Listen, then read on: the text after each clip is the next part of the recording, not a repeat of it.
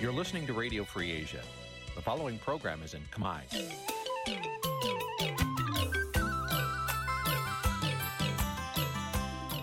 នេះជាកម្មវិធីផ្សាយ Vuthu Azizi Serai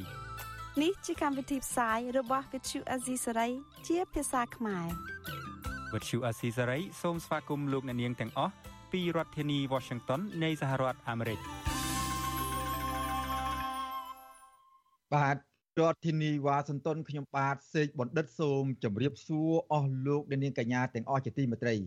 បាទយើងខ្ញុំសូមជូនកម្មវិធីសម្រាប់រាត្រីថ្ងៃសៅរ៍7កើតខែបឋមសាទឆ្នាំថោះបញ្ញស័កពុទ្ធសករាជ2567ត្រូវនឹងថ្ងៃទី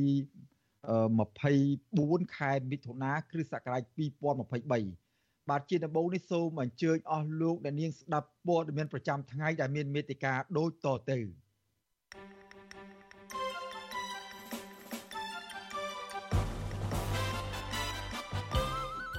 លោកហ៊ុនសែនប្រកាសជាថ្មី ថាលោកមិនញញើតសម្រាប់មន្ត្រីបកប្រឆាំង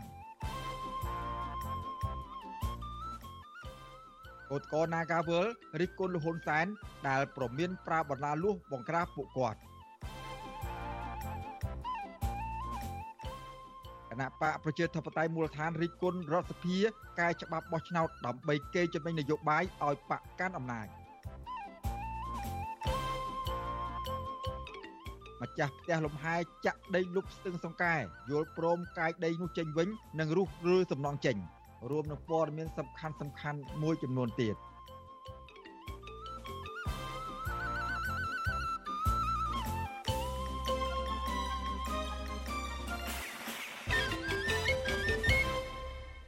បាទជាបន្តទៅទៀតនេះខ្ញុំបាទសេកបណ្ឌិតសូមជូនព័ត៌មានពិស្ដា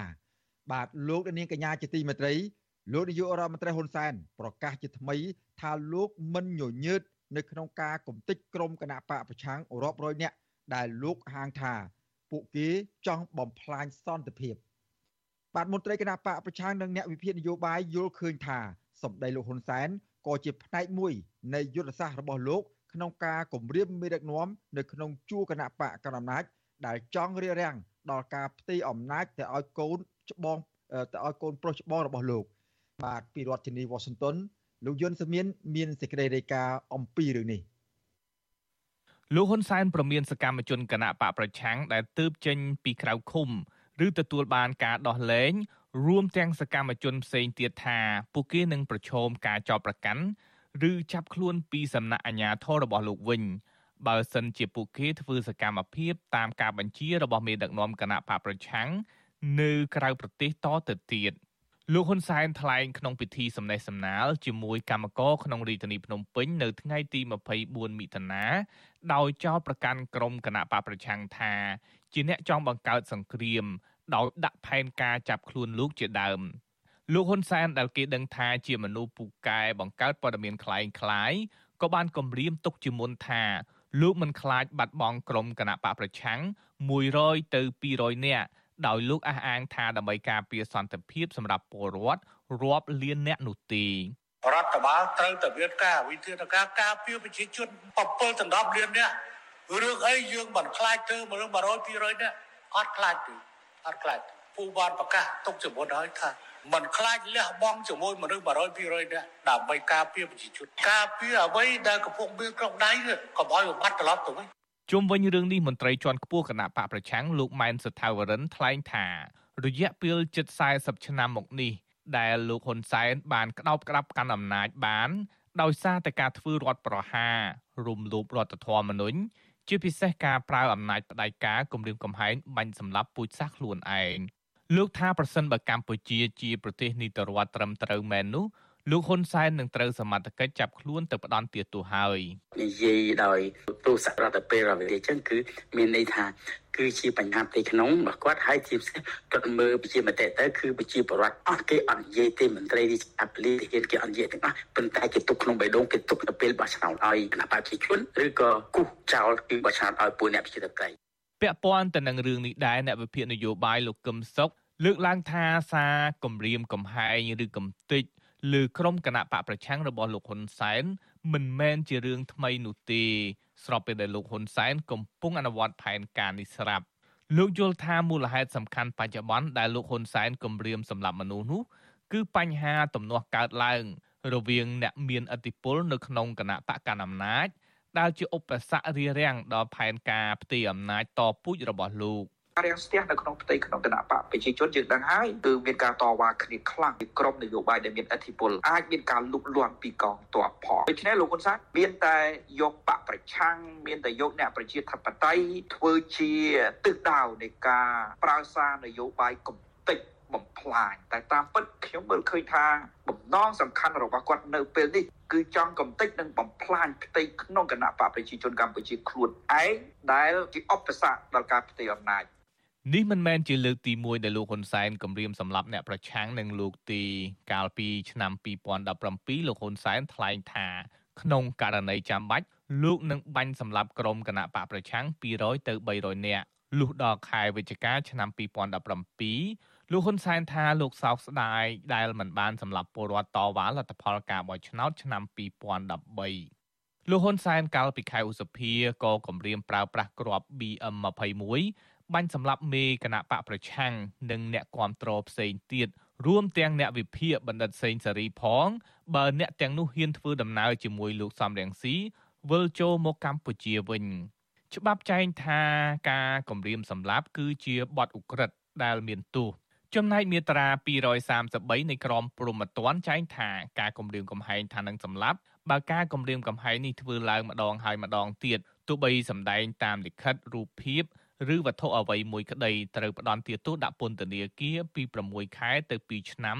និងផាកពិន័យជាប្រាក់ពី1លានទៅ4លានរៀល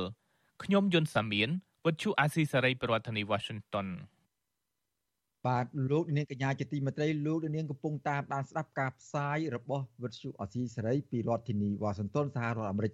បាទឥឡូវនេះយើងមិនទាន់ទៅណាឆ្ងាយអំពីព័ត៌មានតាក់ទងនឹងព្រឹត្តិការណ៍បោះឆ្នោតដែលនឹងប្រព្រឹត្តទៅ នៅថ្ងៃទី23ខែកក្កដានៅពេលខាងមុខនេះនោះទេបាទគណៈបកករណាចកំពុងសម្រុកចែកអំណោយឲ្យប្រជាពលរដ្ឋមុនរដូវកាលឃោសនាបោះឆ្នោតដើម្បីទិញសិលឹកឆ្នោតគណៈមន្ត្រីគណៈបកមួយចំនួនប្រើប្រាស់ធនធានរដ្ឋបំរើឲ្យផលប្រយោជន៍នយោបាយដែលធ្វើឲ្យប៉ះពាល់ដល់ដំណើរការប្រគល់ប្រជែងដោយស្មើភាពគ្នា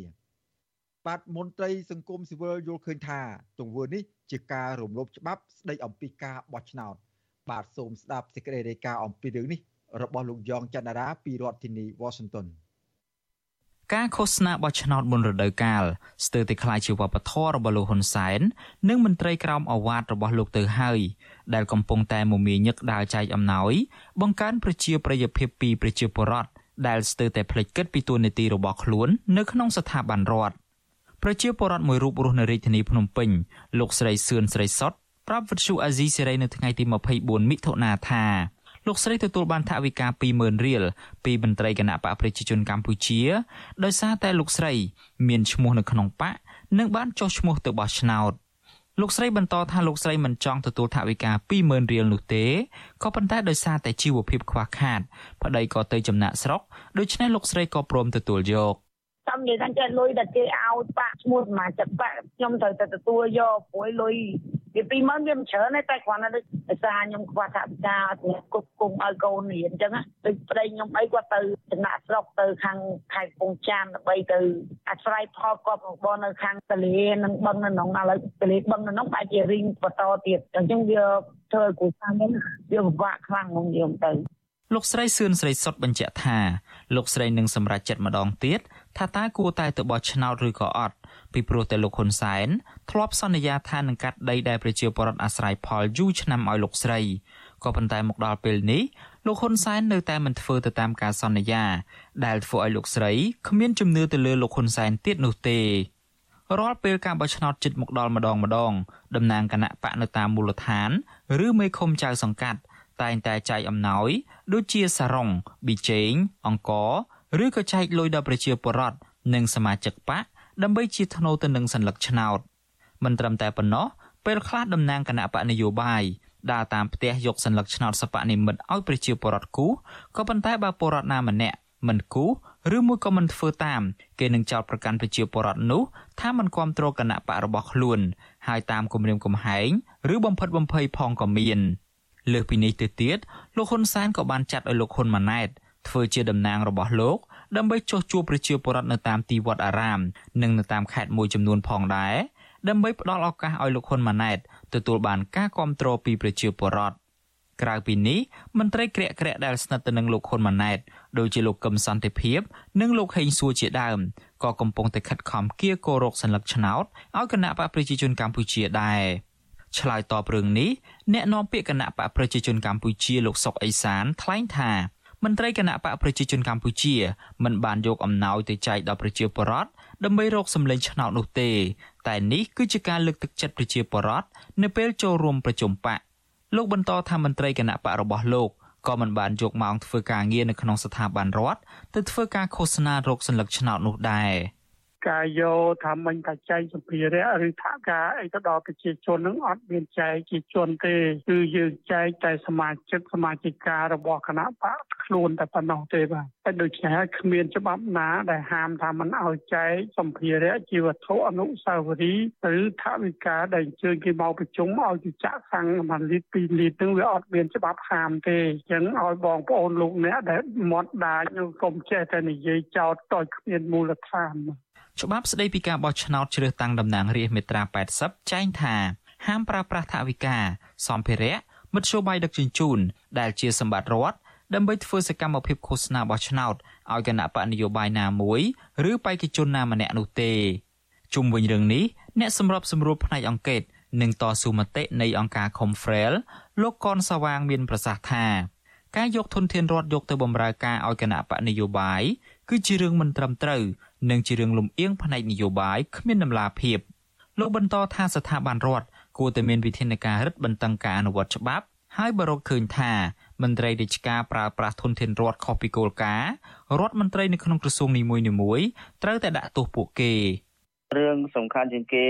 ភាគីនីមួយនីមួយត្រូវមានគោលការណ៍ដំណាភាពណាសម្រាប់ទៅលើការប្រើប្រាស់ធនធានរដ្ឋឬក៏ហៅថាស្មារតីនយោបាយការស្មារតីក្នុងការដំណាភាពនៃការប្រើប្រាស់ធនធានរដ្ឋឬក៏សម្រាប់កិច្ចការងារបោះឆ្នោតអីនេះគឺថាជាគណៈបកនីមួយនីមួយត្រូវមានកាតព្វកិច្ចក្នុងការគោរពតាមគោលការណ៍ជាពិសេសគឺគណៈបកកណ្ដាលអំណាចតែម្ដងដែលត្រូវតែពិនិត្យមួយនៅក្នុងគោលការណ៍ទាំងអស់ហ្នឹងបាទ បើទោះបីជាលោកហ៊ុនសែននិងមន្ត្រីក្រាក់ក្រាក់របស់លោកខិតខំបង្កើនការចោះជួបកម្មករនិងប្រជាពលរដ្ឋដើម្បីចង់ចំណេញសញ្ញាឆ្នោតយ៉ាងណាក្តីក៏ក្រមប្រជាពលរដ្ឋមួយចំនួនអះអាងថាពួកគាត់នឹងមិនទៅចូលរួមការបោះឆ្នោតនៅខែកក្កដាខាងមុខនេះទេដោយសារតែពុំមានគណៈបកដែលពួកគាត់ស្រឡាញ់ពួកគាត់អំពាវនាវឲ្យលោកហ៊ុនសែនឈប់គំរាមកំហែងនិងប្រើអំណោយទិញទឹកចិត្តប្រជាពលរដ្ឋតទៅទៀត ពីព្រោះទង្វើបែបនេះលែងសូវមានឥទ្ធិពលទៅលើម្ចាស់ឆ្នោតដូចមុនទៀតហើយខ្ញុំយ៉ងច័ន្ទដារាវិទ្យុអាស៊ីសេរី Washington បាទលោកនាងកញ្ញាជាទីមេត្រីយើងមិនទាន់ទៅណាឆ្ងាយអំពីរឿងរ៉ាវនៃដំណើរការឈ្មោះទៅរកការបោះឆ្នោតជាតិដែលនឹងប្រព្រឹត្តទៅនៅពេលខាងមុខនេះទេបាទគណៈបកប្រជាធិបតេយ្យមូលដ្ឋាននៅថ្ងៃទី24ខែមិថុនានេះបានចេញសេចក្តីថ្លែងការណ៍បង្ហាញការខកចិត្តចំពោះរដ្ឋសភាឯកបក ដែលអនុម័តលើវិសោធនកម្មច្បាប់បោះឆ្នោតតាមសំណើរបស់លោកហ៊ុនសែនស្របពេលការបោះឆ្នោតជិតឈានចូលមកដល់បាទមន្ត្រីគណៈបកបាទមន្ត្រីសង្គមស៊ីវិលយល់ថាការធ្វើវិសោធនកម្មច្បាប់នីមួយៗត្រូវឆ្លងកាត់ការវិភាគវែកញែកនិងស្រាវជ្រាវឲ្យបានល្អិតល្អន់ជាមុនសិនបាទសូមស្ដាប់សេចក្តីរាយការណ៍របស់លោកថាថៃអំពីរឿងនេះដូចតទៅ គណៈបកប្រជាធិបតេយ្យមូលដ្ឋានយល់ឃើញថាការហាមឃាត់អ្នកមិនទៅបោះឆ្នោតមិនអាចឈរឈ្មោះជាបេក្ខជនដល់ទៅ10ឆ្នាំឬស្មើនឹងពីអាណត្តិជាលក្ខខណ្ឌមិនសមហេតុផលនោះឡើយទោះជាយ៉ាងណាគណៈបកមួយនេះមិនគាំទ្រឲ្យមានការគូសសញ្ញាឆ្នោតចោលនោះទេនិងស្នើឲ្យប្រជាពលរដ្ឋម្ចាស់ឆ្នោតចូលរួមតាមដានសកម្មភាពតំណាងរាស្ត្រនិងអ្នកអនុម័តច្បាប់ដើម្បីសម្រេចចិត្តឲ្យបានត្រឹមត្រូវក្នុងការកំណត់វាសនាប្រទេសជាតិគ ណៈបកប្រជាធិបតេយ្យមូលដ្ឋានលើកឡើងនៅក្នុងសេចក្តីថ្លែងការណ៍នៅថ្ងៃទី23មិថុនាថាការធ្វើវិសោធនកម្មដ៏តក់ក្រហល់មុនការបោះឆ្នោតតែជាង1ខែនេះគឺជាការកេងចំណេញនយោបាយរបស់គណៈបកកណ្ដាលអំណាចដើម្បីបង្ក្រាបបំបាក់និងរដ្ឋបတ်គណៈបកដែលជាគូប្រជែងរបស់ខ្លួនតាមរយៈការប្រើប្រាស់យុទ្ធសាស្ត្រអំណាចនីតិបញ្ញត្តិ គណៈបកប្រជាធិបតេយ្យមូលដ្ឋានបានលើកឡើងជាច្រើនចំណុចជំវិញការធ្វើវិសោធនកម្មដោយមើលឃើញថាវាជាការធ្វើឲ្យលទ្ធិប្រជាធិបតេយ្យនៅកម្ពុជាកាន់តែរួមតូចព្រមទាំងបង្កការភ័យខ្លាចការភ័ន្តច្រឡំនិងប៉ះពាល់ដល់ការសម្រេចចិត្តរបស់ម្ចាស់ឆ្នោតទៀតផងក្នុងនោះគណៈបកប្រជាធិបតេយ្យមូលដ្ឋានសង្កេតឃើញភាពមិនប្រក្រតីនិងភាពមិនច្បាស់លាស់ពាក់ព័ន្ធនឹងនីតិវិធីនៃការកំណត់លក្ខណៈវិនិច្ឆ័យហេតុផលនិងការគ្រប់គ្រងទិន្នន័យឈ្មោះអ្នកខកខានទៅបោះឆ្នោត ការចេញសេចក្តីថ្លែងការណ៍របស់គណៈបកប្រជាធិបតេយ្យមូលដ្ឋានគឺក្រោយពេលដែលតំណាងរាស្ត្ររបស់គណៈបកប្រជាជនកម្ពុជាទាំងអស់បានអនុម័តលើសេចក្តីព្រាងច្បាប់វិសោធនកម្មច្បាប់បោះឆ្នោតកាលពីថ្ងៃទី23មិថុនាការអនុម័តលើសេចក្តីព្រាងច្បាប់នេះមានភាពតក់ក្រហល់គឺត្រឹមតែ11ថ្ងៃបន្ទាប់ពីលោកហ៊ុនសែនបានបញ្ជាទៅក្រសួងមហាផ្ទៃនិងក្រសួងយុតិធធឲ្យពិនិត្យនឹងការប្រែច្បាប់កាលពីថ្ងៃទី12មិថុនា វិទ្យុអាស៊ីសេរីមិនអាចតាកតងแนะនាំពាក្យរដ្ឋសភាលោកលេងពេញឡុងដើម្បីសូមការឆ្លើយតបបានទេនៅថ្ងៃទី24ខែមិថុនាតាកតងនឹងរឿងនេះអ្នកនាំពាក្យគណៈបកប្រជាជនកម្ពុជាលោកសុកអេសានបានថ្លែងការពីសភាឯកបៈថាវិសោធនកម្មច្បាប់បោះឆ្នោតនេះមិនបានប៉ះពាល់ដល់ប្រជាធិបតេយ្យសេរីពហុបកនិងសិទ្ធិសេរីភាពរបស់បុគ្គលណាម្នាក់នោះទេ អង្គនីតិបញ្ញត្តិមានរដ្ឋាភិបាលមានព្រឹទ្ធសភានៃប្រជាណាចក្រកម្ពុជាមិនមែនលងងដូចអស់លោកអ្នកចាំតែថានោះទេគេមាននីតិវិធីគេយល់ច្បាប់ច្បាស់លាស់ជាងអស់លោកអ្នកថានឹងទៅទៀតចឹងរាល់បញ្ហាដែលធ្វើវិសោធនកម្មច្បាប់ក្តីឬធ្វើច្បាប់ថ្មីថ្មីដើម្បីបំរើសំណូមពររបស់សង្គមជាតិក្តីគឺសុទ្ធតែដំណើរការស្របតាមនីតិវិធីហើយនឹងស្របទៅតាមគោលការណ៍ច្បាប់ដែលបានកំណត់បាទ ទោះជាបែបនេះក្តីរដ្ឋសភានិងក្រមប្រឹក្សាធម្មនុញ្ញចាំផ្ទះដែលនៅក្រមអធិបុលរបស់គណៈបកប្រជាជនកម្ពុជាហាក់មិនបានបំពេញទូនាទីឲ្យស័ក្តិសមជាស្ថាប័ននីតិបញ្ញត្តិនោះទេជានិច្ចកាលសមាជិកសភាចាំតែលើកដៃគាំទ្រលើវិសោធនកម្មច្បាប់តាមតែបញ្ជារបស់លោកហ៊ុនសែនប៉ុណ្ណោះជុំវិញរឿងនេះអ្នកសម្របសម្រួលផ្នែកអង្គការរបស់អង្គការឃ្លាំមើលការបោះឆ្នោតហៅកាត់ថា Conference លោកកនសវាងមានប្រសាសន៍ថាការបញ្ចេញមតិរបស់គណៈបកប្រជាធិបតេយ្យមូលដ្ឋានគឺជាសិទ្ធិនៃការបញ្ចេញមតិ ជាមួយគ្នានេះលោកបន្តថារាល់ការធ្វើវិសោធនកម្មកែប្រែច្បាប់ណាមួយគឺត្រូវឆ្លងកាត់ការជជែកវែកញែកឲ្យបានទូលំទូលាយដើម្បីរកហេតុផលប៉ះពាល់នឹងប្រយោជន៍សាធារណៈបើ ការបើកឲ្យមានការចូលរួមនៅក្នុងដំណើរការហ្នឹងបានល្អឧទាហរណ៍ដូចជាការធ្វើម៉េចរៀបចំឲ្យប្រជាពលរដ្ឋនឹងលោកអាចបោះឆ្នោតណាលោកអាចចុះឈ្មោះអីនៅក្រៅប្រទេសបានអាហ្នឹងបានជារឿងមួយដែលមានជាការលើកស្ទួយការដែលបើកឲ្យមានការប្រើប្រាស់សិទ្ធិវាល្អប្រសើរជាជាងការដែលកាត់បន្ថយនៅក្នុងសិទ្ធិជាពិសេសគឺសិទ្ធិចូលឈ្មោះគេបោះឆ្នោតនេះតែម្ដងបាទ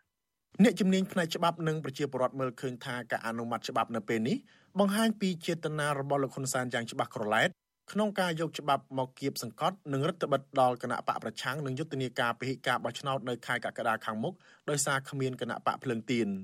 បន្ទាប់ពីគណៈបកភ្លើងទៀនដែលជាគណៈបកប្រជែងមានប្រជាប្រិយភាពបាត់ឈ្មោះពីលើសញ្ញាឆ្នោតគណៈបកប្រជាធិបតេយ្យមូលដ្ឋាននៅពេលនេះគឺជាគណៈបកមួយក្នុងចំណោមគណៈបកចុះបញ្ជីឈោះឈ្មោះបោះឆ្នោតចំនួន18 ដែលតែងតែចេញលិខិតឬសេចក្តីថ្លែងការណ៍របស់ខ្លួនដោយបញ្ចេញមតិវេកញែកឬផ្ដាល់យោបល់ពាក់ព័ន្ធនឹងព្រឹត្តិការណ៍ឬសកម្មភាពនយោបាយផ្សេងផ្សេងខុសពីគណៈបកដទៃទៀតដែលនៅសងំស្ងៀមនិងចេញមុខតែនៅលើសញ្ញាឆ្នោតនៅក្នុងថ្ងៃបោះឆ្នោតខ្ញុំថាថៃពីទីក្រុងមែលប៊នបាទលោកនាងកញ្ញាជាទីមេត្រីមកដល់ពេលនេះនៅសល់តែ29ថ្ងៃទៀតទេ ការបោះឆ្នោតជាតិនឹងចូលមកដល់ហើយបាទពេលចូលទៅគូសសន្លឹកឆ្នោត គ្មាននរណាម្នាក់ដឹងថាលោកអ្នកគូសឲ្យគណៈបកនោះណាអឺគ្មាននរណាម្នាក់ដឹងថាលោកអ្នកគូសឲ្យគណៈបកណាមួយនោះឡើយបាទម្យ៉ាងវិញទៀតការបោះឆ្នោតវាជាសិទ្ធិក្នុងការសម្រេចចិត្តរបស់អស់លោកនាងតែម្នាក់គត់គ្មានជនណាឬអាជ្ញាធរណាអាចបង្ខិតបង្ខំលោកអ្នកបាននោះទេបាទសូមអរគុណ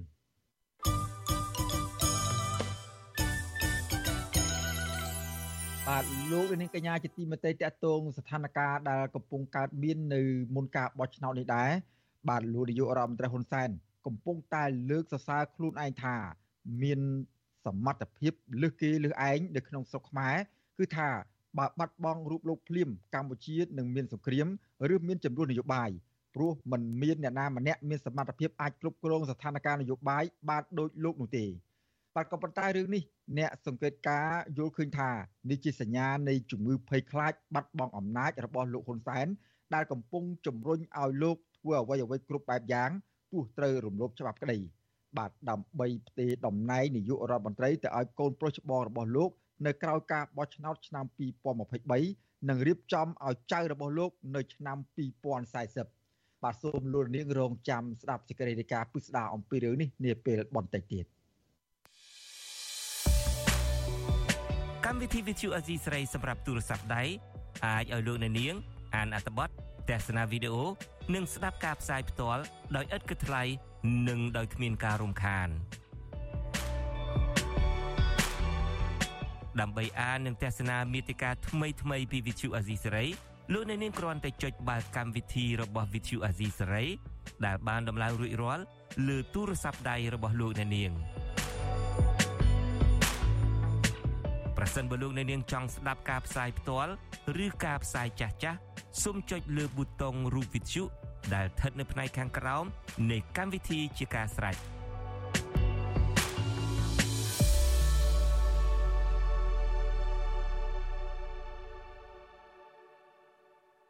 បាទលោកនាងកញ្ញាជាទីមេត្រីលោកនាងកំពុងតាមដានស្ដាប់ការផ្សាយរបស់វិទ្យុអសីសេរីពីរដ្ឋធានីវ៉ាស៊ីនតោនសហរដ្ឋអាមេរិក បាទជាបន្តទៅទៀតនេះសូមងាកមកតាមដានស្ថានភាពរបស់ក្រមកោតកោនាការវល់វិញម្ដង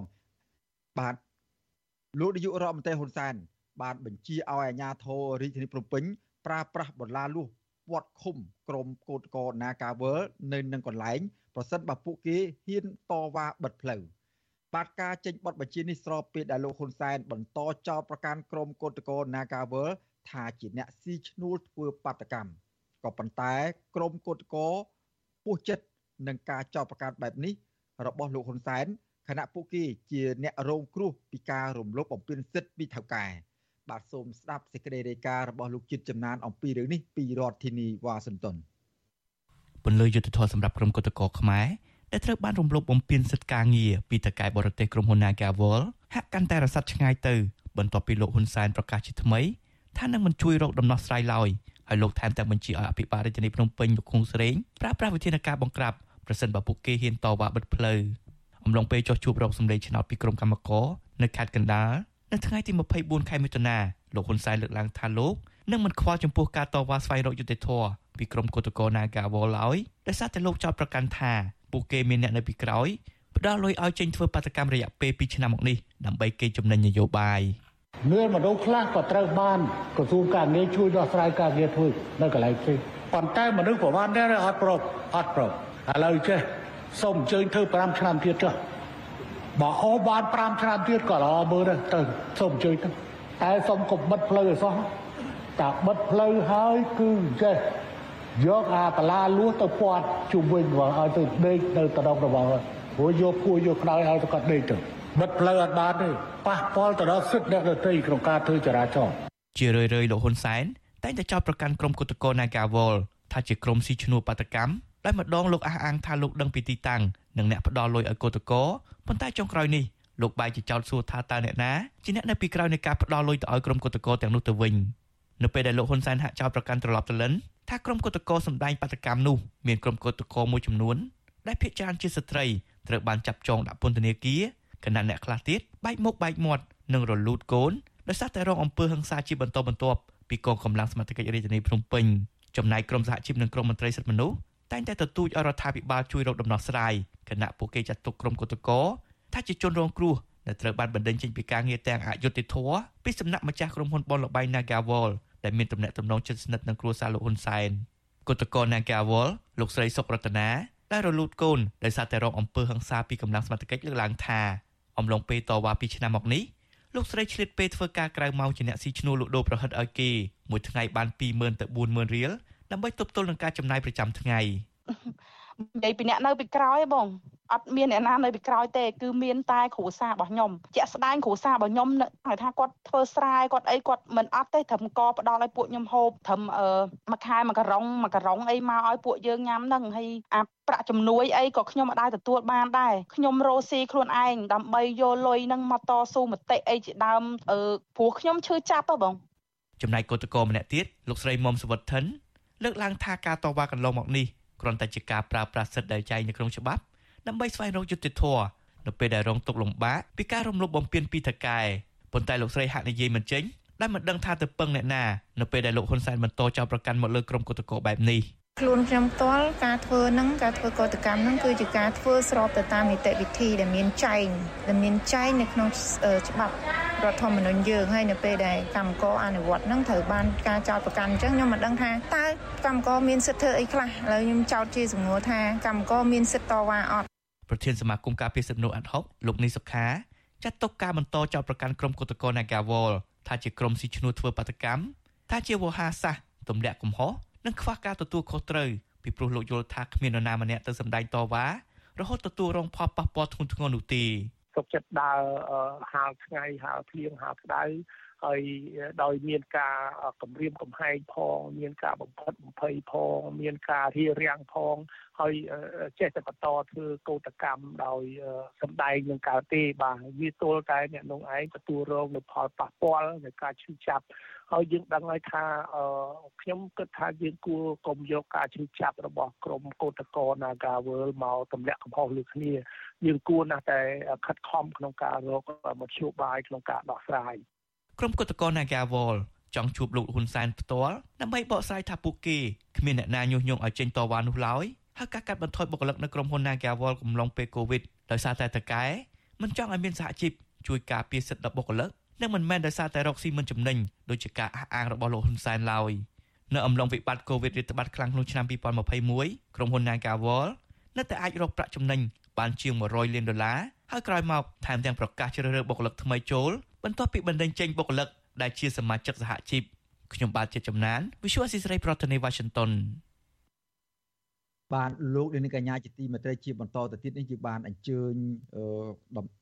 កូនកូននាការវល់ម្នាក់មកផ្ដល់បនសភា ជុំវិញការប្រមានជាថ្មីទៀតរបស់លោកនាយករដ្ឋមន្ត្រីហ៊ុនសែនទៅលើក្រមកោតកោនាការវល់ដែលពួកគាត់កំពុងតែតស៊ូមតិដើម្បីស្វែងរកសិទ្ធិការងារនិងរកយុត្តិធម៌ជុំវិញការបញ្ឈប់ពួកគាត់ពីការងារដោយគ្មានហេតុផលនិងគ្មានការដោះស្រាយបញ្ហាផ្សេងផ្សេងជូនពួកគាត់នោះបាទបាទយើងនៅពេលនេះយើងបានអញ្ជើញកញ្ញាសៀកបញ្ញាជាកោតកោ Nagavel មួយរូបនៅក្នុងចំណោមកោតកាវើកោតកោ Nagavel ដទៃទៀតដើម្បីចង់ដឹងថាតើ កញ្ញាមានទស្សនៈបែបម៉េចនិងមាននឹងមានការយល់ឃើញយ៉ាងម៉េចចំពោះការគម្រាមជាថ្មីរបស់លោកនាយករដ្ឋមន្ត្រីហ៊ុនសែននេះបាទសូមជម្រាបសួរលោកបញ្ញាបាទ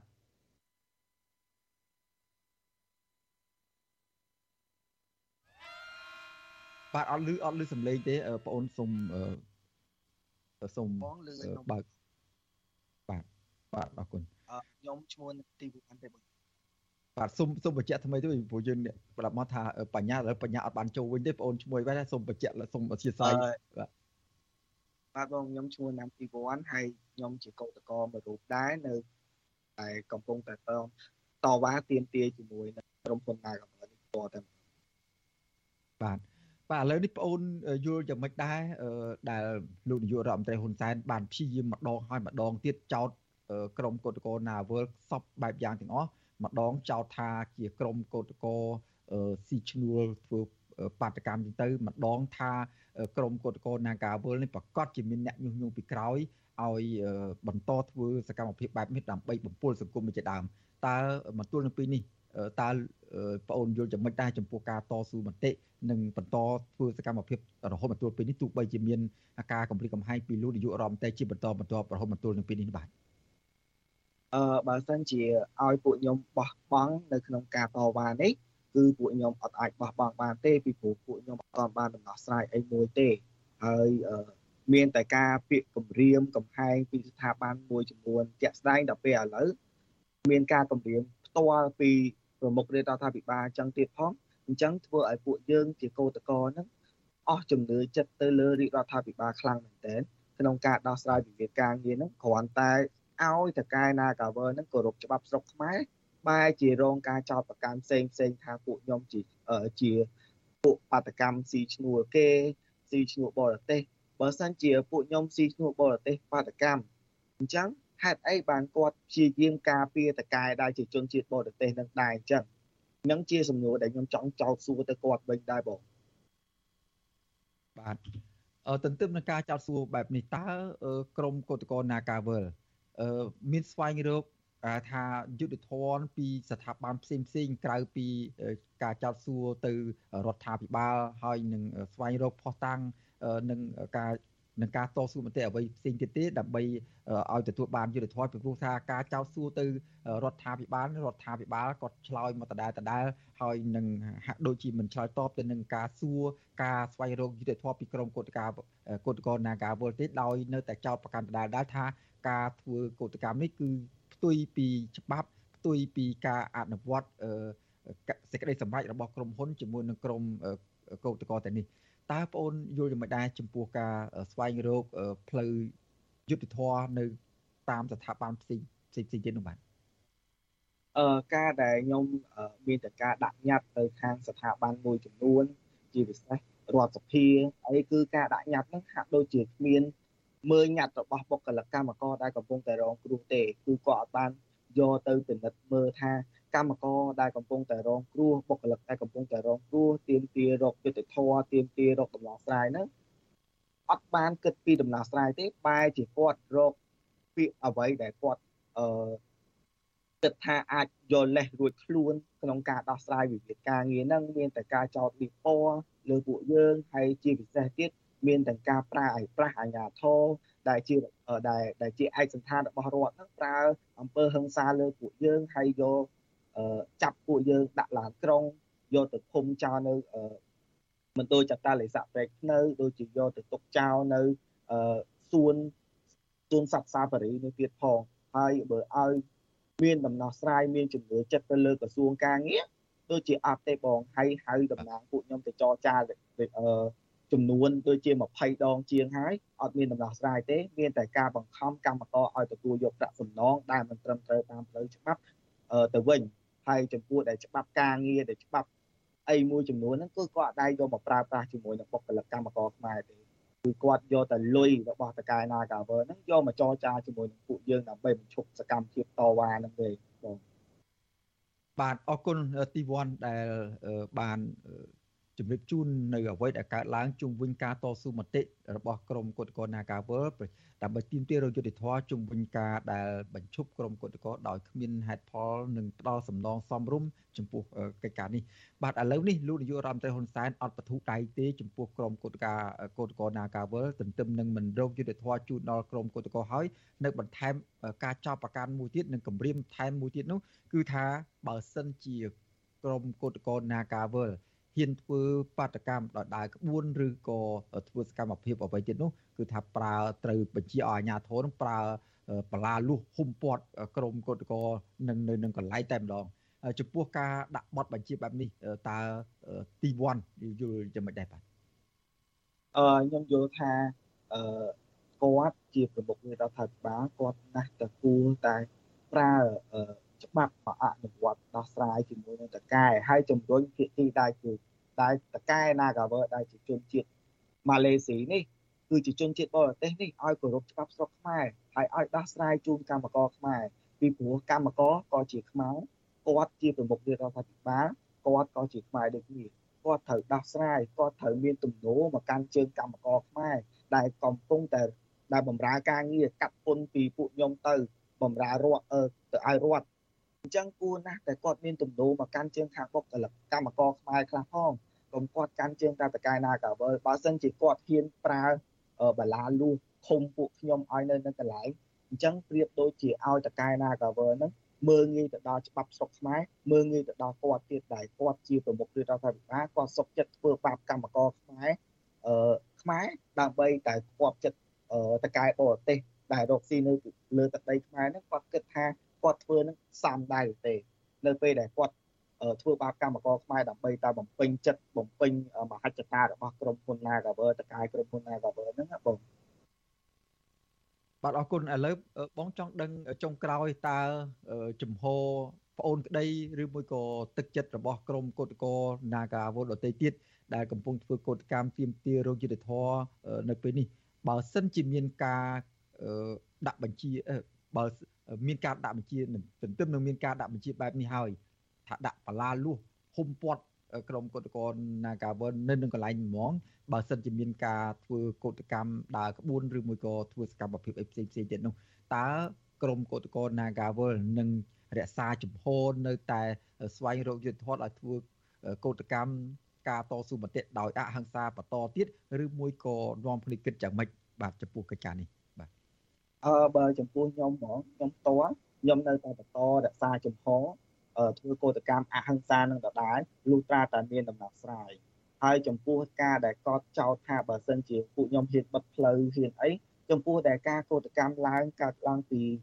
អឺចេញកោតកម្មមកដំបូងថ្ងៃទី18ខែធ្នូ2020ហ្នឹងគឺពួកខ្ញុំអត់ដែលបានបិទផ្លូវទេ មានតែភាគីអាជ្ញាធរទេដែលយកបរាសយកទៅបិទផ្លូវហើយចោទមកពួកលើពួកខ្ញុំ ដែលជាកោតក្រហ្នឹងថាជាអ្នកបិទផ្លូវតាំងពីតាំងពីដើមមកគឺខ្ញុំអត់ដែលមានវិវាទជាមួយនឹងរាជរដ្ឋាភិបាលទេគឺខ្ញុំមានវិវាទតែជាមួយនឹងក្រុមហ៊ុន Nagaver ទេហើយខ្ញុំតវ៉ាឲ្យដើម្បីឲ្យតកែ Nagaver ហ្នឹងទទួលយកឋានៈដឹកនាំសហជីពនិងសមាជិកសហជីពចូលធ្វើការវិញអញ្ចឹងវាអត់មានអីចម្លែកដែរដែលដែលតែតែងតែគាត់តាមមកគម្រាមពួកពួកខ្ញុំថាពួកខ្ញុំហ្នឹងធ្វើអញ្ចឹងដើម្បី ប្រឆាំងនឹងគាត់អីចឹងខ្ញុំអត់មានទេហើយ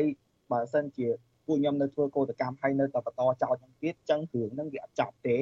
វានៅតែបន្តជាវិវាទតាមប្រៃគឺជាដូចជាជំងឺមហារីកចឹងចឹងវាអត់ចប់ទេបើសិនជាគាត់ស្វែងរកដំណោះស្រាយហើយបញ្ចប់កោតកម្មនឹងដោយសន្តិវិធីខ្ញុំជឿថាវិវាទការងារនឹងអាចចប់បាទអរគុណបងអូន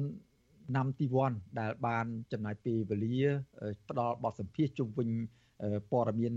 ការតស៊ូមតិរបស់ក្រមកោតក្រ Nagawal ក្នុងការស្វែងរកយុត្តិធម៌ហើយនឹងការឆ្លើយតបទៅនឹងលោកនាយករដ្ឋមន្ត្រីហ៊ុនសែនដែលបានដាក់បទបញ្ជាជាថ្មីទៀតឲ្យអាជ្ញាធរពាត់ដាក់បលាលុះពាត់ក្រមកោតក្រ Nagawal ឲ្យនៅនឹងកន្លែងនៅនឹងកន្លែងតែម្ដងបើសិនជាមានសកម្មភាពតវ៉ាដើរក្បួនឬមួយក៏បិទផ្លូវអីចឹងជាដើមនៅពេលខាងមុខនេះហើយយើងនឹងបន្តតាមដានសកម្មភាពរបស់ក្រមកោតការកោតកោ Nagawal បន្តទៅមុខទៀតក្នុងការតស៊ូមតិស្វែងរកយុទ្ធធននេះបាទសូមអរគុណនិងជម្រាបលាជីវ័នតែប៉ុណ្្នេះបាទអរគុណបងបាទលោកនាងកញ្ញាជាទីមេត្រីលោកនាងកំពុងតាមដានស្ដាប់ការផ្សាយរបស់វិទ្យុអស៊ីសេរីពីរដ្ឋធានីវ៉ាស៊ីនតោនសហរដ្ឋអាមេរិក បាទឥឡូវនេះយើងក៏លេចទៅលើយើងក៏លេចទៅមើលសំណង់ដែលកំពុងសាងសង់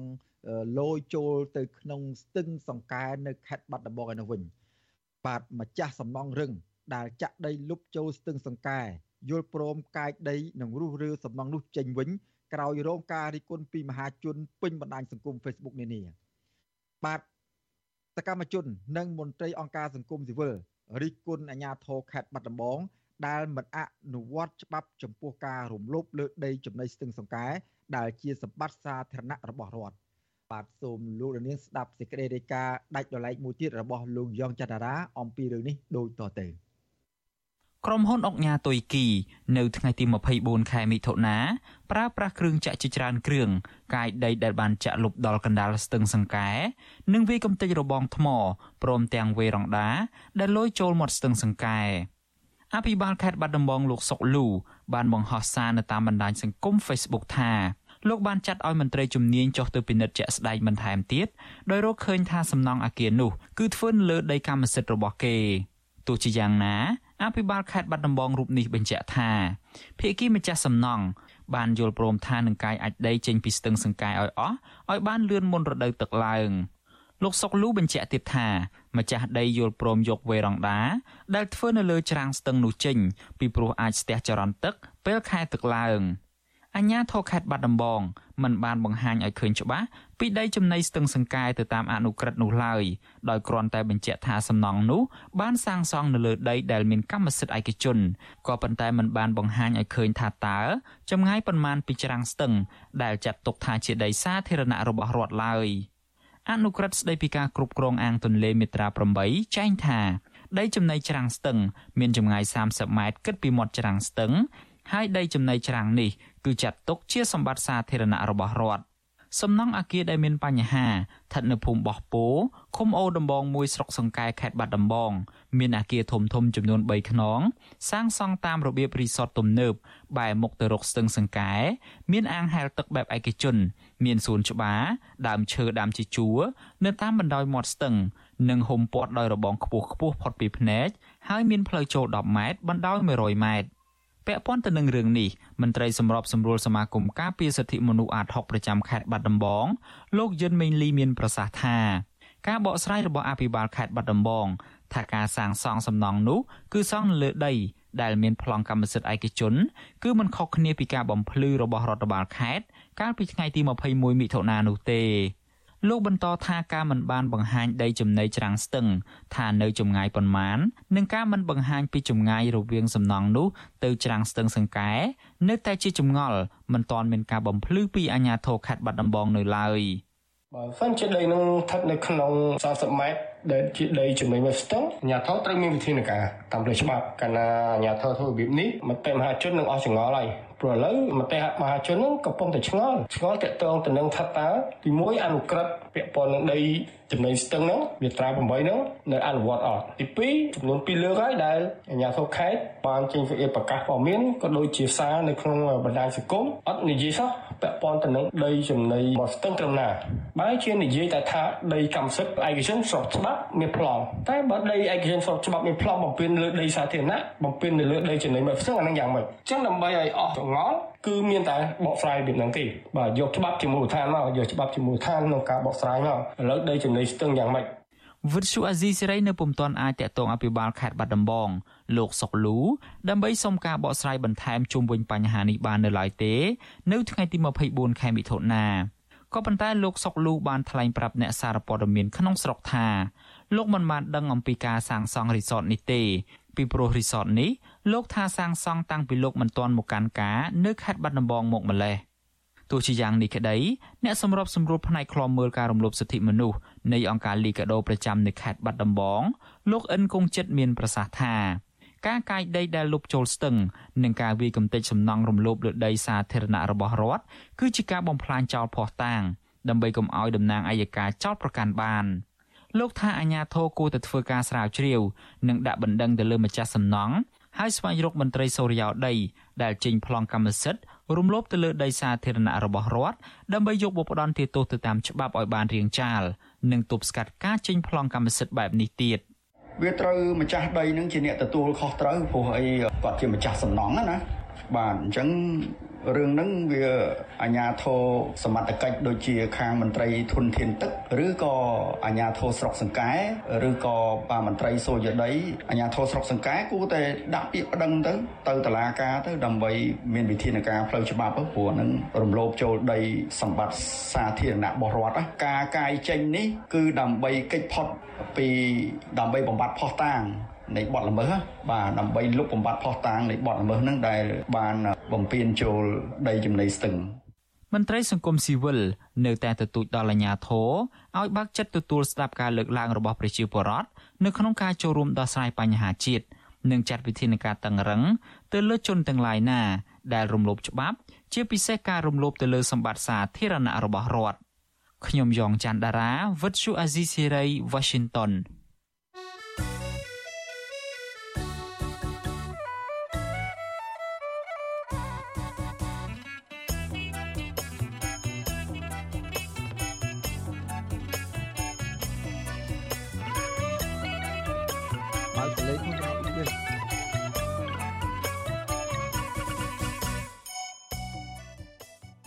បាទលោកនាងកញ្ញាជាទីមេត្រីលោកនាងកំពុងតាមដានស្ដាប់ការផ្សាយរបស់វិទ្យុអស៊ីសេរីពីរដ្ឋធានីវ៉ាស៊ីនតោនសហរដ្ឋអាមេរិក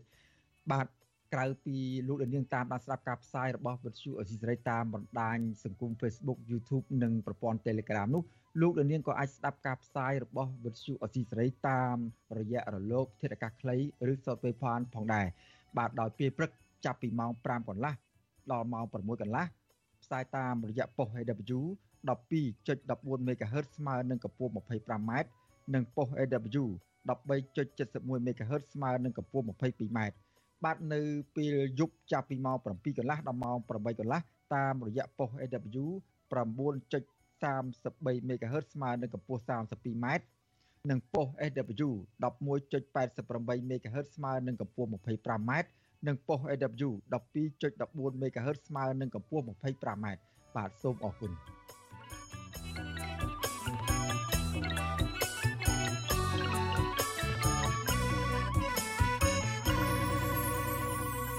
បាទលោកនាងកញ្ញាជាទីមេត្រីជាបន្តទៅទៀតនេះសូមអញ្ជើញអស់លោកនាងកញ្ញាទៅតាមដានស្ថានភាពរបស់ប្រជាពលរដ្ឋដែលរស់នៅក្នុងតំបន់អង្គរដែលត្រូវចម្លៀសចេញទៅរស់នៅតំបន់ផ្សេងទៅវិញ បាទប្រជាពលរដ្ឋដែលបង្ខំចិត្តចាក់ចេញពីតំបន់អង្គរដែលប្រឈមនឹងជីវភាពខ្វះខាតនោះពេលនេះពួកគាត់បានត្អូញត្អែថាពួកគាត់កំពុងតែជួបការលំបាកសពបែបយ៉ាង ហើយការដែលចាក់ចេញពីតំបន់អង្គរនេះគឺចាក់ចេញទាំងបង្ខំចិត្តដែលពួកគាត់មិនចង់មានការចាក់ចេញពីភូមិចាស់ដែលពួកគាត់ធ្លាប់រស់នៅតាំងពីដូនតាមកនោះទេបាទតើក្រោយពីប្រជាពលរដ្ឋបង្ខំចិត្តចាក់ចេញពីតំបន់អង្គរមករស់នៅទីតាំងថ្មីពួកគាត់ជួបការលំបាកបែបណានៅក្នុងជីវភាពប្រចាំថ្ងៃនោះបាទសូមទស្សនាសេចក្តីរាយការណ៍របស់លោកនៅវណ្ណរិនអំពីរឿងនេះដូចតទៅ ដីវាលមួយកន្លែងស្ថិតនៅក្នុងតំបន់រុនតាឯកនៃស្រុកបន្ទាយស្រីខេត្តសៀមរាបគឺជាលំនៅឋានថ្មីសម្រាប់ប្រជាពលរដ្ឋខ្មែររាប់ពាន់គ្រួសារធ្លាប់រស់នៅក្នុងស្រុកអង្គរធំ ស្រុកបាគងស្រុកបន្ទាយស្រី និងក្នុងក្រុងសៀមរាបដែលអាជ្ញាធរអះអាងថាជាតំបន់អភិរក្ស នៅតំបន់ថ្មី ដែលមានផ្ទៃដីទំហំជាង1200ហិកតានេះពលរដ្ឋភៀកច្រើនត្រូវចាប់ផ្ដើមកសាងជីវិត និងផ្ទះសម្បែងឡើងវិញពីចំណុចសូន្យជាមួយនឹងសម្ភារៈដែលពួកគេបានរុះរើពីភូមិចាស់ធ្លាប់រស់នៅរាប់សិបឆ្នាំនិយាយឲ្យចំទៅថាវាមិនពិបាកតែយើងវាទាំងអស់តែគ្នា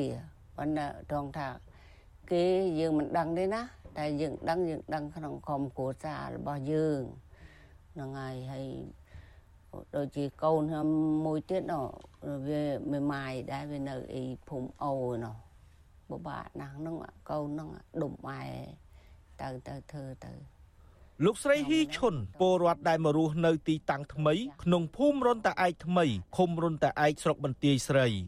ស្រីមេម៉ាយរូបនេះត្អូញត្អែថាគ្រួសាររបស់លោកស្រីមានជីវភាពកាន់តែលំបាកពេលមករស់នៅទីតាំងថ្មី ជាពិសេសត្រូវធ្វើដំណើរជាង40គីឡូម៉ែត្រទៅក្រុងសៀមរាបជារៀងរាល់ថ្ងៃដើម្បីស៊ីឈ្នួលវាយអេតចាយចិញ្ចឹមជីវិត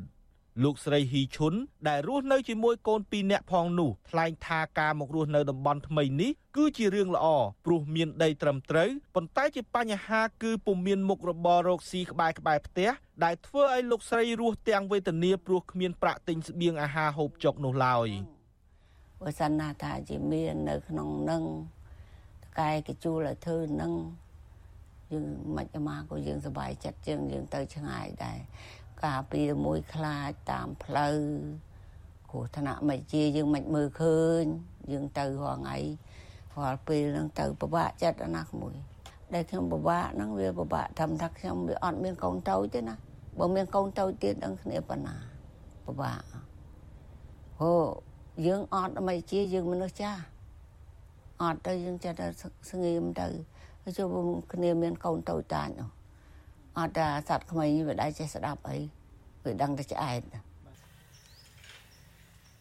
លោកស្រីហ៊ីឈុនជាពលរដ្ឋមួយក្នុងចំណោមពលរដ្ឋរាប់ពាន់គ្រួសារដែលស្ម័គ្រចិត្តរុះរើលំនៅឋានចេញពីតំបន់ហាមឃាត់របស់អប្សរាដែលរដ្ឋាភិបាលលោកហ៊ុនសែនចោទថាពួកគេបានធ្វើឲ្យប៉ះពាល់ដល់កិច្ចអភិរក្សតំបន់អង្គរជាសម្បត្តិបេតិកភណ្ឌពិភពលោកពលរដ្ឋដែលរុះរើលំនៅឋានចេញពីតំបន់អង្គរ ទៅទីតាំងថ្មីក្នុងតំបន់រុនតាឯកនេះកំពុងប្រឈមជីវភាពខ្វះខាត និងបាត់បង់មុខរបររកប្រាក់ចំណូលប្រចាំថ្ងៃ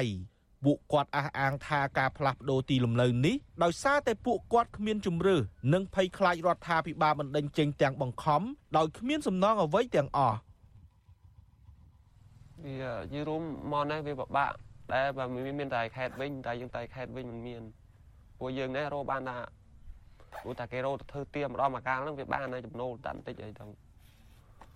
ពលរដ្ឋម្នាក់ទៀតដែលមករស់នៅក្នុងតំបន់រុនតែឯកបានជាង3ខែគឺលោកមានមុនថ្លែងថាលោកក៏ដូចជាពលរដ្ឋចំណូលថ្មីផ្សេងទៀតដែរគឺពុំមានការងារធ្វើដើម្បីរកប្រាក់ចំណូលចិញ្ចឹមជីវិតនោះទេសប្តាហ៍ថ្ងៃនេះ លោករស់នៅជាមួយប្រពន្ធនិងកូនដោយពឹងលើប្រាក់ខែប្រពន្ធធ្វើការនៅសាលាឃុំរុនតាឯកបានប្រាក់ចំណូលត្រឹមតែជាង100ដុល្លារហើយលុយទាំងនោះមិនគ្រប់គ្រាន់សម្រាប់ការចំណាយនិងការទិញសម្ភារៈថ្មីមួយចំនួន សម្រាប់ធ្វើផ្ទះថ្មីនេះទេវារឿងមហូបយើងចំណាយយើងរកបានខ្លះចំណាយវាវាតិចដែរប៉ុន្តែថ្ងៃណាយើងរត់បាន ចំណាយវាអាចចេញទៅវិញចេញច្រើន ហើយយើងមករត់នេះវាមើលទៅវាយើងធ្វើអីក៏បានធ្វើអីក៏ស្រួលតែយើងសម្រាប់តែយើងអត់លួយទៅយើងធ្វើអីក៏ពិបាកធ្វើអីពិបាកទាំងអស់ហើយណាមួយដល់ពេលខ្ជាប់មកម្ដងម្ដងទៀតឲ្យទៀតសម្បែងប៉ើងអស់ស្ពេលសំខាន់អត់មានដើមឈើទប់ស្លាស់ពេក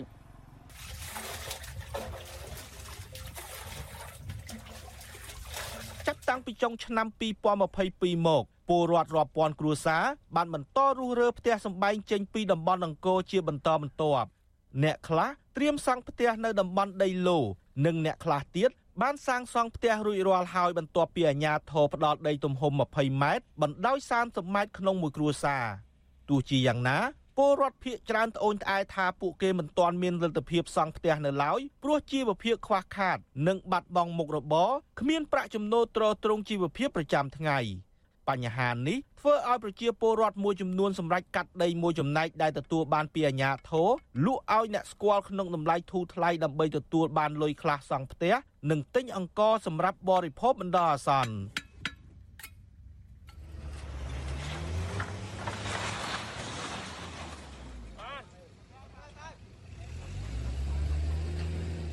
កាលពីចុងខែមីនាឆ្នាំ2023កន្លងទៅអង្គការលើកលែងទោសអន្តរជាតិ Amnesty International បានចេញសេចក្តីថ្លែងការណ៍មួយបង្ហាញថាមនុស្សជាច្រើននៅជុំវិញតំបន់អង្គរត្រូវបានបង្ខិតបង្ខំឲ្យផ្លាស់ទីលំនៅទៅរស់នៅតំបន់រុនតាឯកដែលខ្វះហេដ្ឋារចនាសម្ព័ន្ធនិងទឹកស្អាតគឺជាការរំលោភសិទ្ធិមនុស្សក្រោមច្បាប់សិទ្ធិមនុស្សអន្តរជាតិការបណ្ដេញពលរដ្ឋចេញទ្រង់ទ្រាយធំ ដោយបន្លំជាការស្ម័គ្រចិត្តដូច្នោះអាចនឹងធ្វើឲ្យប៉ះពាល់ដល់អារម្មណ៍របស់ពួកគេនិងធ្វើឲ្យពួកគេភ័យខ្លាចប្រសិនបើពួកគាត់ជំទាស់មិនព្រមចាកចេញខ្ញុំបាទនៅវណ្ណរិន With Chu Azizi Saray ពីរដ្ឋធានី Washington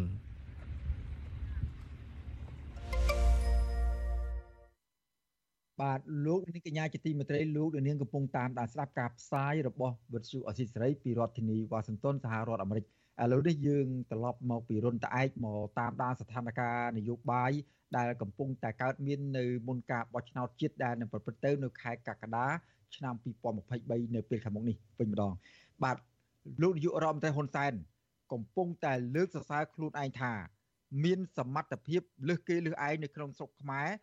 គឺថាបើបាត់បង់រូបលោកភ្លាមកម្ពុជានឹងមានសង្គ្រាម ឬមានចំនួននយោបាយ ព្រោះมันមាននរណាម្នាក់មានសមត្ថភាពអាចគ្រប់គ្រងស្ថានភាពនយោបាយបានដោយរូបលោកនោះទេបាទក៏ប៉ុន្តែអ្នកសង្កេតការអន្តក៏ប៉ុន្តែអ្នកសង្កេតការជុំវិញរឿងនេះបានមើលឃើញថានេះជាសញ្ញានៃជំងឺភ័យខ្លាចបាត់បង់អំណាចរបស់លោកហ៊ុនសែនដែលកំពុងជំរុញឲ្យលោកធ្វើអ្វីគ្រប់ដែលជំរុញឲ្យលោកធ្វើអ្វីអ្វីគ្រប់បែបយ៉ាង ដើម្បីទោះបីជាស្ថិតនៅក្នុងការរំលោភច្បាប់យ៉ាងណាក្តី ដើម្បីផ្ទេរតំណែងនាយករដ្ឋមន្ត្រីទៅឲ្យកូនប្រុសច្បងរបស់លោក នៅក្រៅការបោះឆ្នោតនៅឆ្នាំ2023និងរៀបចំឲ្យចៅរបស់លោក នៅឆ្នាំ2040បន្តទៀតលោកនាយករដ្ឋមន្ត្រីហ៊ុនសែនមានវ័យ71ឆ្នាំ បានកាន់តំណែងជានាយករដ្ឋមន្ត្រី ជាង38ឆ្នាំមកហើយគិតត្រឹមខែមិថុនាឆ្នាំ2023លោកតែងតែបង្ហាញពីមោទនភាពដែលលោកអាចដឹកនាំប្រទេសបានយូរ បើប្រៀបធៀបជាមួយមេដឹកនាំនានាទាំងនៅក្នុងតំបន់និងពិភពលោកលោកហ៊ុនសែនដែលហៅខ្លួនឯងថាជាបិតាសន្តិភាពផងនោះ តែងតែថ្លែងជាញឹកញាប់ថា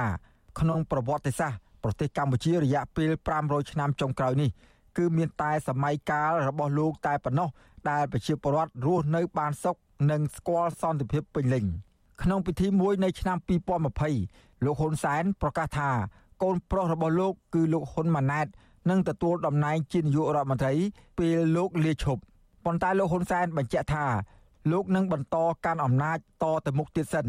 មុនផ្ទេរទៅឲ្យកូន ពីព្រោះមានតែលោកនិងកូនប្រុសរបស់លោកទេដែលស័ក្តិសមនឹងតំណែងនេះរហូតដល់ជួយប្រជុំសភាថាលោកហ៊ុនសែនខកចិត្តខ្លាំងណាស់ព្រោះអត់បានផ្ទេរអំណាចឲ្យកូនប្រុសហើយអញនៅធ្វើអ្នកណាមានសមត្ថភាពមកជំនួសហ៊ុនសែនបច្ចុប្បន្ននេះឥឡូវនិយាយពិតចេញមកមកចេញមកមក ក្នុងតួអង្គនៃគណៈបព្វជិជនអត់មាននរណាទេអ្នកវិភាគនយោបាយលោកបណ្ឌិតឡៅម៉ុងហៃមានប្រសាសន៍ថាមានដឹកនាំដែលចង់ឲ្យកូនចៅស្នងតំណែងតែងតែប្រឹងប្រែងប្រើប្រាស់គ្រប់មធ្យោបាយទោះក្នុងតម្លៃណាក៏ដោយដើម្បីធ្វើឲ្យបំណងរបស់ខ្លួនបានសម្រេចលោកនាយករដ្ឋមន្ត្រីហ៊ុនសែនភ័យខ្លាចបាត់បង់អំណាចទៅដៃអ្នកដទៃឬបកដទៃនៅឆ្នាំ2017លោកប្រើប្រាស់ប្រព័ន្ធតុលាការជាឧបករណ៍នយោបាយ ដើម្បីរំលាយគណៈបកសង្គ្រោះជាតិក្រោយពីឃើញគណៈបកជំទាស់មួយនេះកាន់តែទទួលបានការគាំទ្រច្រើនពីប្រជាពលរដ្ឋទាំងក្នុងការបោះឆ្នោតជ្រើសតាំងតំណាងរាស្ត្រឆ្នាំ2013និងការបោះឆ្នោតជ្រើសរើសក្រុមប្រឹក្សាឃុំសង្កាត់ឆ្នាំ2017យុទ្ធសាស្ត្ររួមលីគណៈបកប្រឆាំងនេះក៏ត្រូវលើកយកមកប្រើម្ដងទៀតដើម្បីផាត់ចោលគណៈបកភ្លើងទៀនដែលជាគណៈបកជំទាស់ធំជាងគេកំពុងមានប្រជាប្រិយភាព ពីការបោះឆ្នោតជ្រើសតាំងតំណាងរាស្ត្រនៅខែកក្កដាខាងមុខនេះទៀតផង អ្នកសង្កេតការជាច្រើនយល់ស្របគ្នាថាលោកនាយករដ្ឋមន្ត្រីហ៊ុនសែនកំពុងមានជំងឺភ័យខ្លាចនោះគឺជំងឺភ័យខ្លាចបាត់បង់អំណាចនេះឯងគឺធ្វើឲ្យលោកហ៊ុនសែនកាន់តែធ្វើឲ្យគាត់ផ្ដាច់ការទៅផ្ដាច់ការទៅសំបីតែអ្នកនៅក្នុងបករបស់ខ្លួនហើយលែងខ្វល់ពីការរំលោភច្បាប់និងការរិះគន់ថ្កោលទោសពីសហគមន៍ជាតិនិងអន្តរជាតិសោះនោះឡើយ យុវជនសិក្សាផ្នែកច្បាប់និងជាសកម្មជនបរិស្ថានលោកលីចន្ទរាវុធថ្លែងក្នុងវេទិកាអ្នកស្ដាប់វិទ្យុអសីសេរីនៅខែឧសភាថាស្ថានភាពនយោបាយនៅក្នុងប្រទេសកម្ពុជា កាន់តែអាក្រក់ទៅដោយសារលោកគិតតែពីការគៀបសង្កត់ និងបំបិតសម្លេងជំទាស់ដើម្បីគ្រប់គ្រងអំណាចប្រាច់មុខហើយផ្ទេរទៅឲ្យកូនចៅតត្រកូលរបស់លោកដោយសារតែលោកនាយករដ្ឋមន្ត្រីហ៊ុនសែនកំពុងតែ ត្រៀមផ្ទៃអំណាចឲ្យកូនរបស់គាត់ហើយដូច្នេះគាត់មិនចង់មានគូប្រជែងនយោបាយណាមួយនៅក្នុងឆាកនយោបាយទេដោយខ្ញុំយល់ថាវាកើតចេញពីភាពភ័យខ្លាចព្រោះថានៅក្នុងរបបផ្ដាច់ការជាធម្មតាទេអ្នកដឹកនាំផ្ដាច់ការនីមួយៗតែងតែមានការសង្ស័យទៅដល់ភាគីនេះភាគីនោះថានឹងចង់បដូររំលំខ្លួនថានឹងអាចដណ្ដើមអំណាចពីខ្លួនភ័យខ្លាចក្នុងការសងសឹកពីភាគីផ្សេងៗហ្នឹងទោះយ៉ាងណា បើមើលលើផែនការនៃការផ្ទេរអំណាចរបស់លោកហ៊ុនសែនហាក់កំពុងដំណើរការទៅមុខយ៉ាងរលូនដោយសារលោកហ៊ុនម៉ាណែតកំពុងឈរឈ្មោះជាបេក្ខជនតំណាងរាស្ត្រលេខរៀងទី1នៃមណ្ឌលភ្នំពេញរបស់គណៈបកប្រជាជនកម្ពុជា ក្រោយពីផ្ទៃក្នុងរបស់បកមិនមានអ្នកណាហ៊ានចេញមុខដោយចំហ ជំទាស់ឬហ៊ានចេញមុខប្រជែងនឹងលោកហ៊ុនម៉ាណែត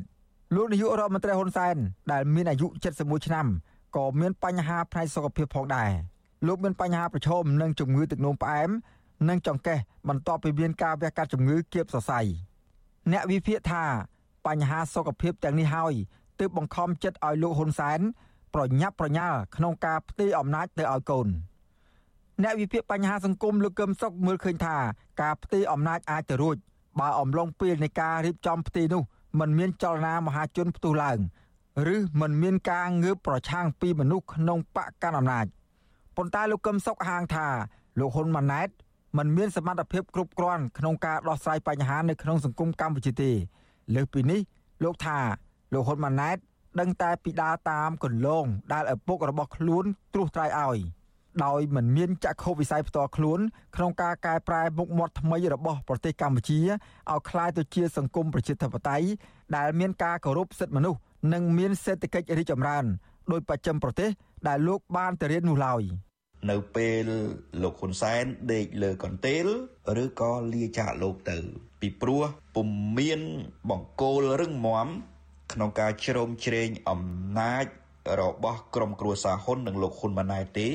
ភាគីផ្ទៃក្នុងធំធំ ក៏ចង់បែងជើងគណៈបកជាគូប្រជែងកាន់តែប្រឹងប្រកួត ហើយប្រជាពលរដ្ឋក៏កាន់តែចង់ផ្លាស់ប្ដូរក្នុងពេលដែលលោកហ៊ុនម៉ាណែត គឺជាបុគ្គលស្ទើរភ្លើងមែនទែនក្នុងឆាកដឹកនាំនយោបាយទុកមិនបានទេអ្នកវិភាគរូបនេះក៏បានលើកឡើងទៀតថាមូលហេតុដែលលោកហ៊ុនសែនឈរឈ្មោះប្រកួតប្រជែងការបោះឆ្នោតនៅខែកក្កដាឆ្នាំ2023ហើយទើបផ្ទេរតំណែងទៅឲ្យលោកហ៊ុនម៉ាណែតនោះ ក៏ដោយសារលោកហ៊ុនសែនខ្លួនឯងមិនទុកចិត្តសមត្ថភាពកូនរបស់លោកដែរបើពិនិត្យមើលលើប្រតិកម្មពីសហគមន៍អន្តរជាតិវិញគឺប្រទេសលោកសេរី ដឹកនាំដោយសហរដ្ឋអាមេរិកនិងសហភាពអឺរ៉ុបបានប្រមានរួចហើយពីការត្រៀមដាក់ទណ្ឌកម្មបន្ថែម លើលទ្ធផលជារួមនៃការបោះឆ្នោត នៅខែកក្កដាខាងមុខនេះមិនដំណើរការតាមគោលការណ៍ប្រជាធិបតេយ្យ ដំណើរជីវិតរបស់លោកនាយករដ្ឋមន្ត្រីហ៊ុនសែនអាចដើរតាមគន្លងរបស់លោករ៉ូបឺតមូកាបេមេដឹកនាំក្រៅអំណាចនៃប្រទេសស៊ីមបាវេជាប្រទេសក្រីក្រមួយនៅអាហ្វ្រិកខាងត្បូង